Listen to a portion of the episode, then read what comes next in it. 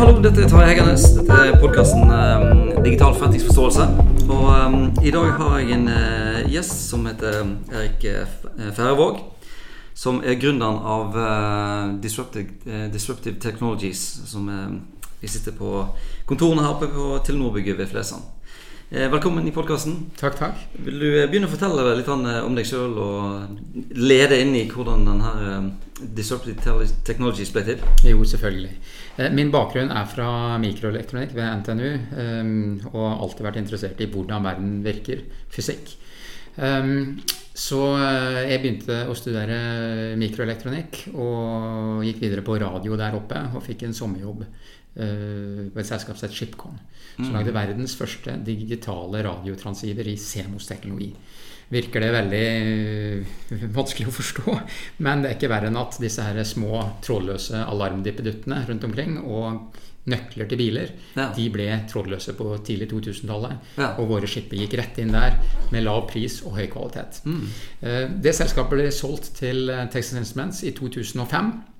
Og jeg ble med noen år videre i Texas Instruments, i en stor bedrift. Og administrerende i da tidligere Shipcon, dette første selskapet, eh, startet et nytt selskap som het Energy Micro. Der lagde vi verdens mest energivennlige mikrokontroller. Mm. Jeg var ansvarlig for halvparten av den uh, skiputviklingen der, analog-siden.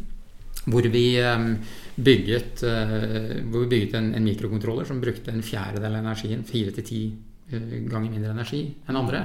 Og det gjør i praksis at verden er uh, har devicer i dag som har lengre batterilevetid. Selv om det ikke virker sånn. Mm. Um, det og da blir det enklere å utvikle på det. Ja, det er veldig spennende at du har på en måte eh, At du på en måte først har krympa sender, og så har du forlenga batteritiden. Riktig. Så med den bakgrunnen, med en mikrokontroller som i praksis er en miniatyrisert datamaskin som kjører i uh, alt, så å si, av elektriske dippedutter rundt oss En bil har noen hundre. En telefon har 20, mm. Eh, og en eh, varmeovn har én.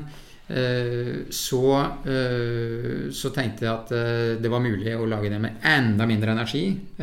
Og tenkte også at det var mulig å kombinere dette med radio, som var vår tidligere bakgrunn, mm. og lage en veldig liten sensor. Og det var utgangspunktet for Disruptive Technologies. Mm. For hvis man kunne miniaturisere en sensor betydelig, som da forutsetningen er at man bruker veldig lite energi, så så jeg for meg at dette kunne bli en mer generisk sensor som kunne passe inn flere steder. Mm. Eh, og sensormarkedet, sånn som det er i dag, uten disruptive, er veldig vertikale, spissete, gjerne custom designede sensorer for hvert formål. Mm. Eh, og med mindre sensorer, generiske sensorer, kunne de da hente data fra alle steder i verden omkring igjen. Mm.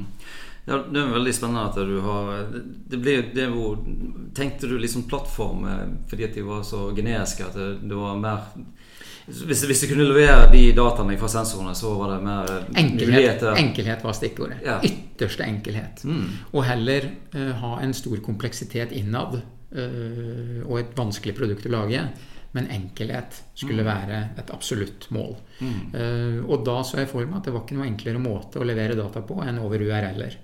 Og når du skal få data fra sensorer og til en URL, uh, så er det internett mellom der, det er radio mellom der, det er forskjellige protokoller mellom der. Mm. Um, og den verden som si, eksisterer og fører oss, var mye lisenser som måtte kjøpes, og systemer som måtte bygges, og masse mm. leverandører og konsulenter involvert.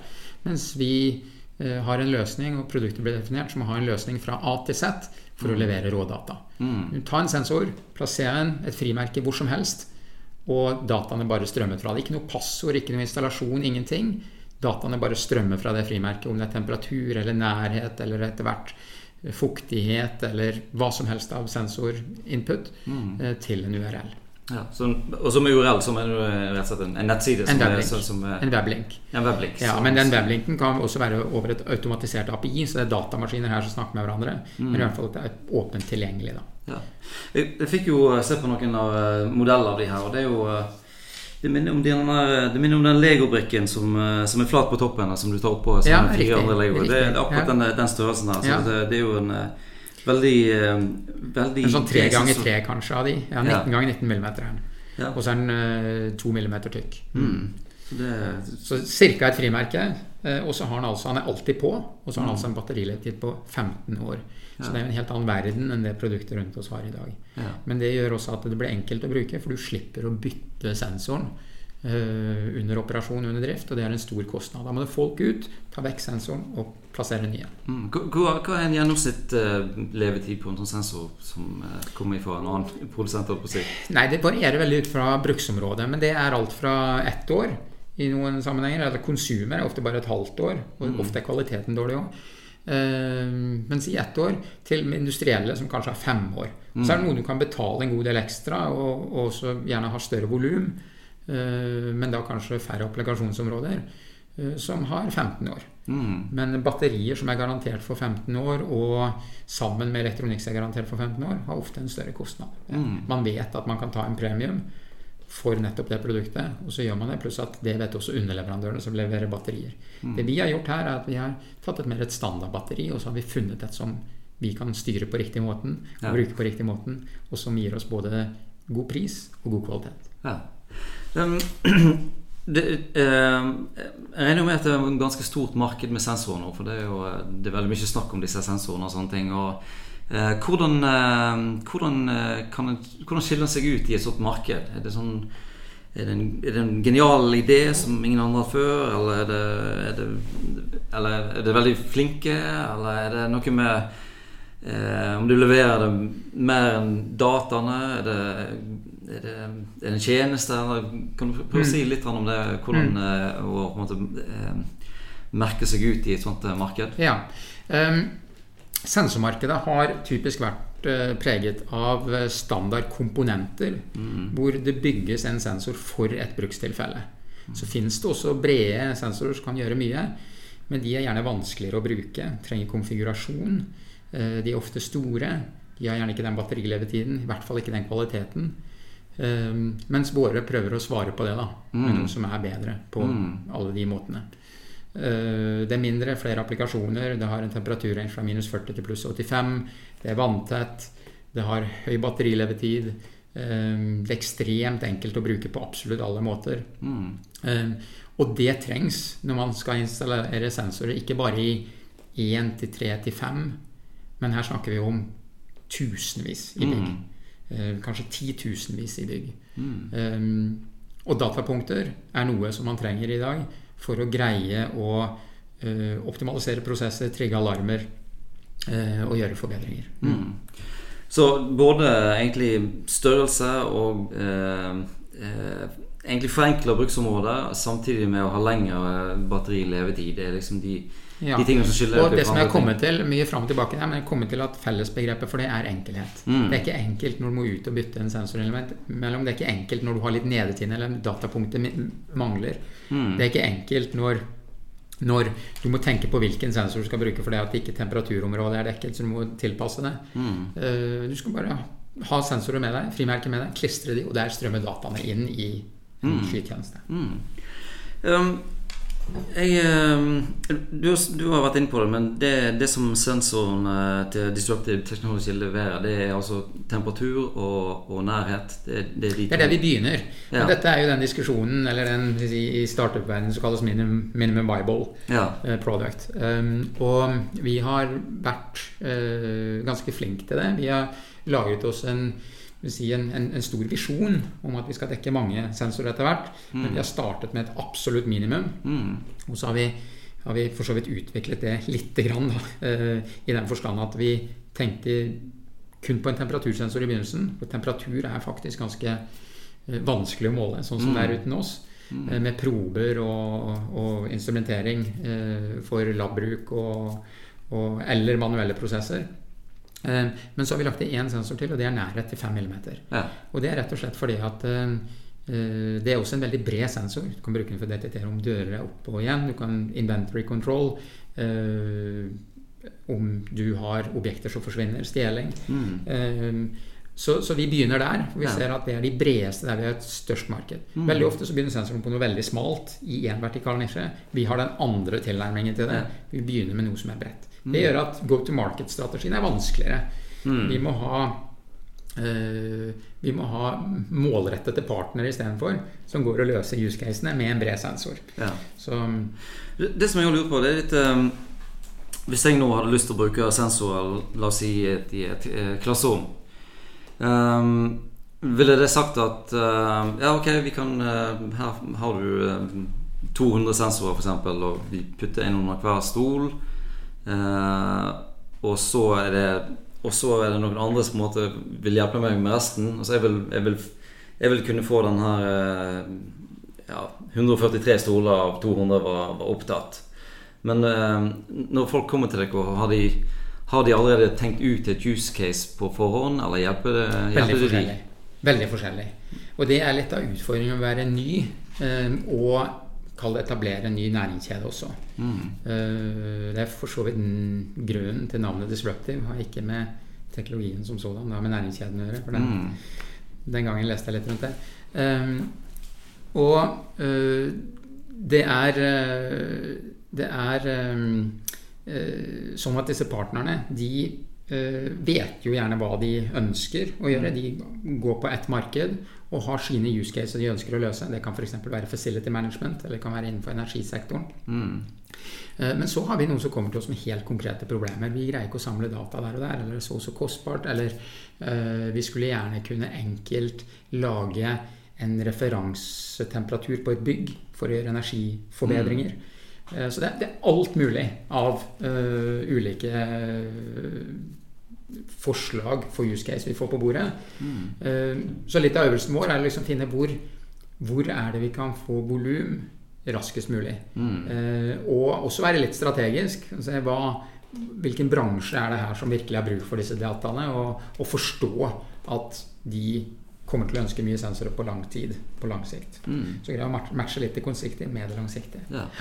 Eh, Har du noen, sånn, eh, noen sånne spesifikke use case til, eh, til hvordan disse sensorene blir brukt? Ja, Um, det som er et stort fokusområde for oss, det er energi.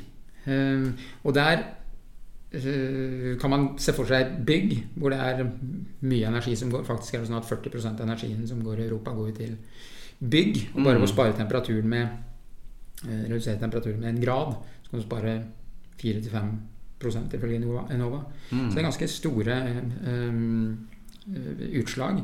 Eh, og i dag er ikke det så lett å få temperaturdata fra bygg. Noe så enkelt som det. Eller du må gjøre manuelle eh, målinger. Så det er én ting.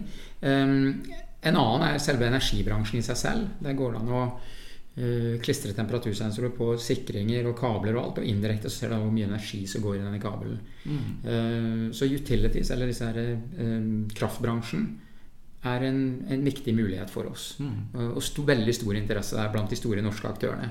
Der er det jo gjerne også sånn at man ikke oppdager feil før det er for sent, og så får man en stor avgift, kileavgift. Uh, og med sensorikk på disse høyspenningskontaktene, hvor vi er en av de få som kan faktisk levere instrumenteringen til det, så uh, kan man trigge alarmer og gå inn og ordne feilen før den i det hele tatt eksisterer. Så preventivt vedlikehold. Så det er uh, rundt si, energi og, og leverandørene der. Så er det mye også på, på bare generelt rundt drift. Uh, og kanskje det mest interessante, eller eh, en, en stor mulighet som vi ser, det er facility management, vasking, smart cleaning. I dag er det sånn at man vasker gjerne toalett to ganger om dagen, bare fordi at det skal alltid være rent. Det er rett og slett å bare måle uh, en dør som går opp og igjen, og hver 50. gang den slår, så, så får man inn vasking så kan man øke kvaliteten på tjenesten og redusere kostnaden betydelig. Så vi har store leverandører som går inn og, og instrumenterer bygg for smart cleaning. En kjempemulighet. Eh, både for oss og for dem. Um, og så er det selvfølgelig alarmer hvor konsekvensene kan være store hvis det forsvinner noe, eller, eller det kan være et, uh, en, en dør som ikke skal være åpen, som står og slår, hvor vaktmesteren kan gå inn og instrumentere den. da, Eller sette på en, en, plasterlapp og, og vite om den er oppe igjen. Det er masse masse muligheter. Helse er en annen ting. Eh, det er masse krav, compliance i kantiner og rapportering og sjekklister. Det kan automatiseres fullstendig. Eh, En ting som jeg syns ja, Først jeg lurte litt på hvordan eh, måler det strøm i en kraftkabel med Går det an å bruke temperatur eller nærhet eller Ja, sånt? da? altså, um, Får håpe det blir for teknisk, men eh, Nei, nei. Um, alt som leder strøm, har motstand. Skal vi se Superledere har veldig lite motstand, men det er noe heldigvis lite superledere rundt oss. Sånn mm. den. Eh, men en kabel den har litt motstand, og når det går strøm gjennom den, så avgir det litt grann varme. Ja. Og den varmen den kan en sensor detektere. Okay, ja. Eh, hvis det f.eks. er en switch eller en sikring, så er det ofte mye inni der som gir litt motstand. Fordi at motstand enten brukes som en del av funksjonen, eller fordi at det kanskje er ikke godt nok skrudd til, eller det er eh, i ferd med å ryke, sånn at man får kanskje noe som kalles elektronmigrasjon som gjør at etter hvert så tynnes metallet når du blir eldre. Og det gjør at motstanden går opp. Eh, og, da Ja, og da, når motstanden går opp, og man skal ha samme strøm gjennom, så eh, utvikler det eh, varme eller Ja. energitap. Mm. Og en indirekte observasjon av det er temperatur. Mm. Um, så det vil si at når temperaturen går opp, hvis den vanligvis skal være innenfor visse grenser, så vet du at her er det med stor sannsynlighet noe feil. Mm. Eller f.eks. på balansering av kurser også, som er en stor utfordring for disse. At de ønsker å ha like mye last på ulike kurser, men de har kanskje ikke instrumentert de. Så kan de gå inn og plassere sensorer på de, da skal de ha ca. samme temperatur. Eller i hvert fall ikke avvike mer enn så og så mye. Ja. Jeg sy- jeg syns òg det er veldig, eh, veldig interessant det der um, eksempelet med bare en, en toalettdør som går opp og igjen. Ja.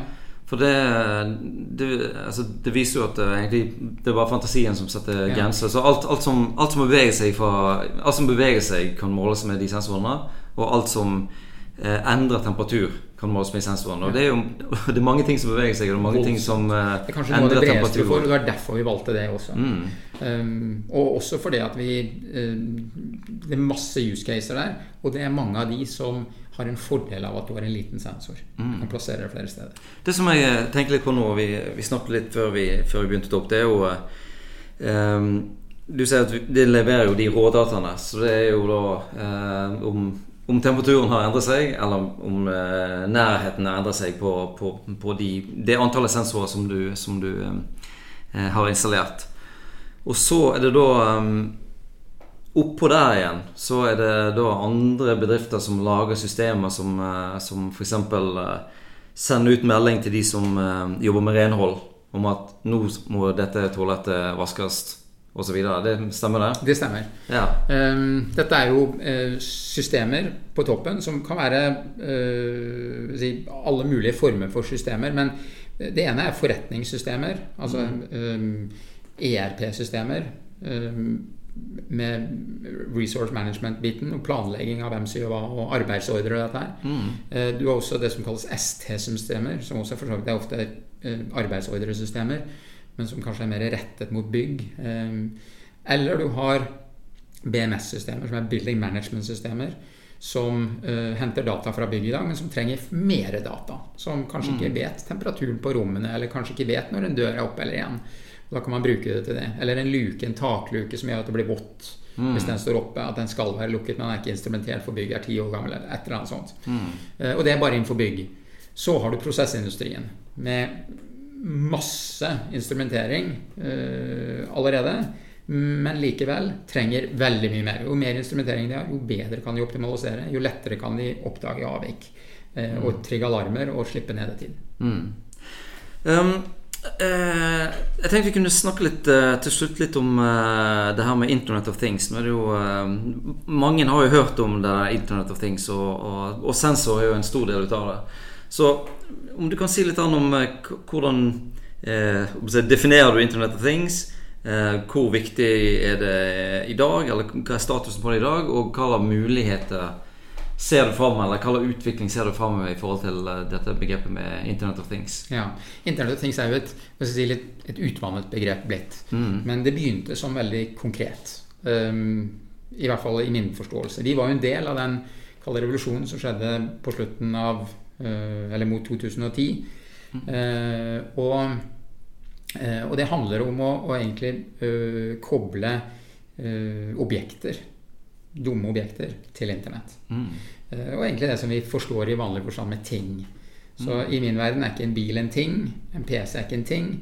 Men de tingene som, som er rundt oss, alt det som er rundt oss, som kanskje kan begynne å snakke til oss og gjøre at vi uh, slipper å bruke arbeidskraft på å sjekke, gjøre rutinemessige sjekker for å sørge for at regler er overholdt, eller at prosessen er stabil. Eh, som disse eksemplene jeg har gitt. Mm. Så det, i min forstand, er tingenes internett, eller Internet of Things. Det er å koble alle disse dumme tingene til internett. Toalettdører, f.eks. Toalettdører. Mm. Det kan være stoler for occupancy, eller som tidligere eksempel. Det, det er hundrevis av use case og muligheter uh, her ute. Mm. Men, men um, uh, i min forstand så er det en stor forskjell på det som si, er aktive uh, digitale flater og, og tjenester. Uh, og disse dumme tingene som i dag ikke snakker til oss, Mm. men som du ved å instrumentere de, eller bruke Internet of Things-type sensorer, kan, uh, kan, kan koble til disse skytjenestene, og etter hvert uh, ha en, komme til en mer autonom verden, hvor mennesker ikke trenger å være involvert eh, i den grad. At du har observasjon ved hjelp av sensorer. Du har eh, kontekst og analyse. Og du har en feedback loop med aksjon gjennom aktuatorer.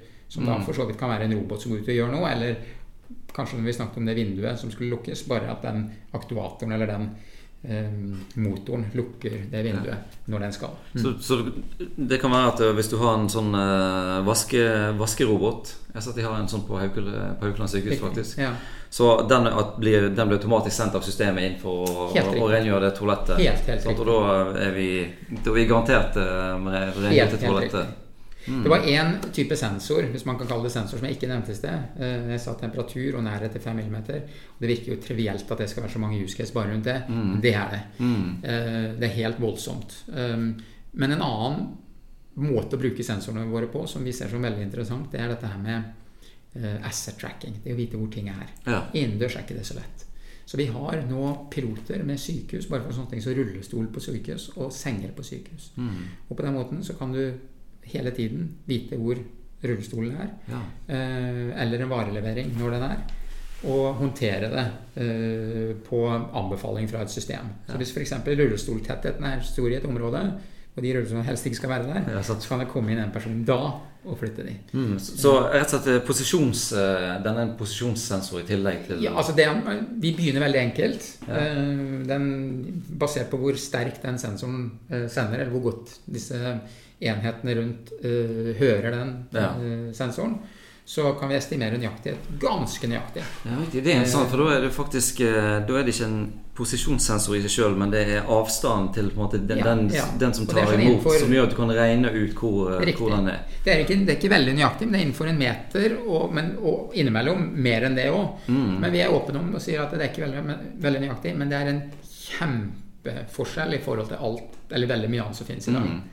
Eh, Og det er ekstremt enkelt å installere. Vi leverer ikke det som en sensor, men på vårt API eller på datagrensesnitt så går det an å få tak i den informasjonen, Mm. sånn at man kan finne ut hvor objekter er. Ja, for det, det syns jeg er kjempeinteressant at du, at du eh, bruker en informasjon som egentlig eh, er, er Du skal egentlig bruke til noe annet.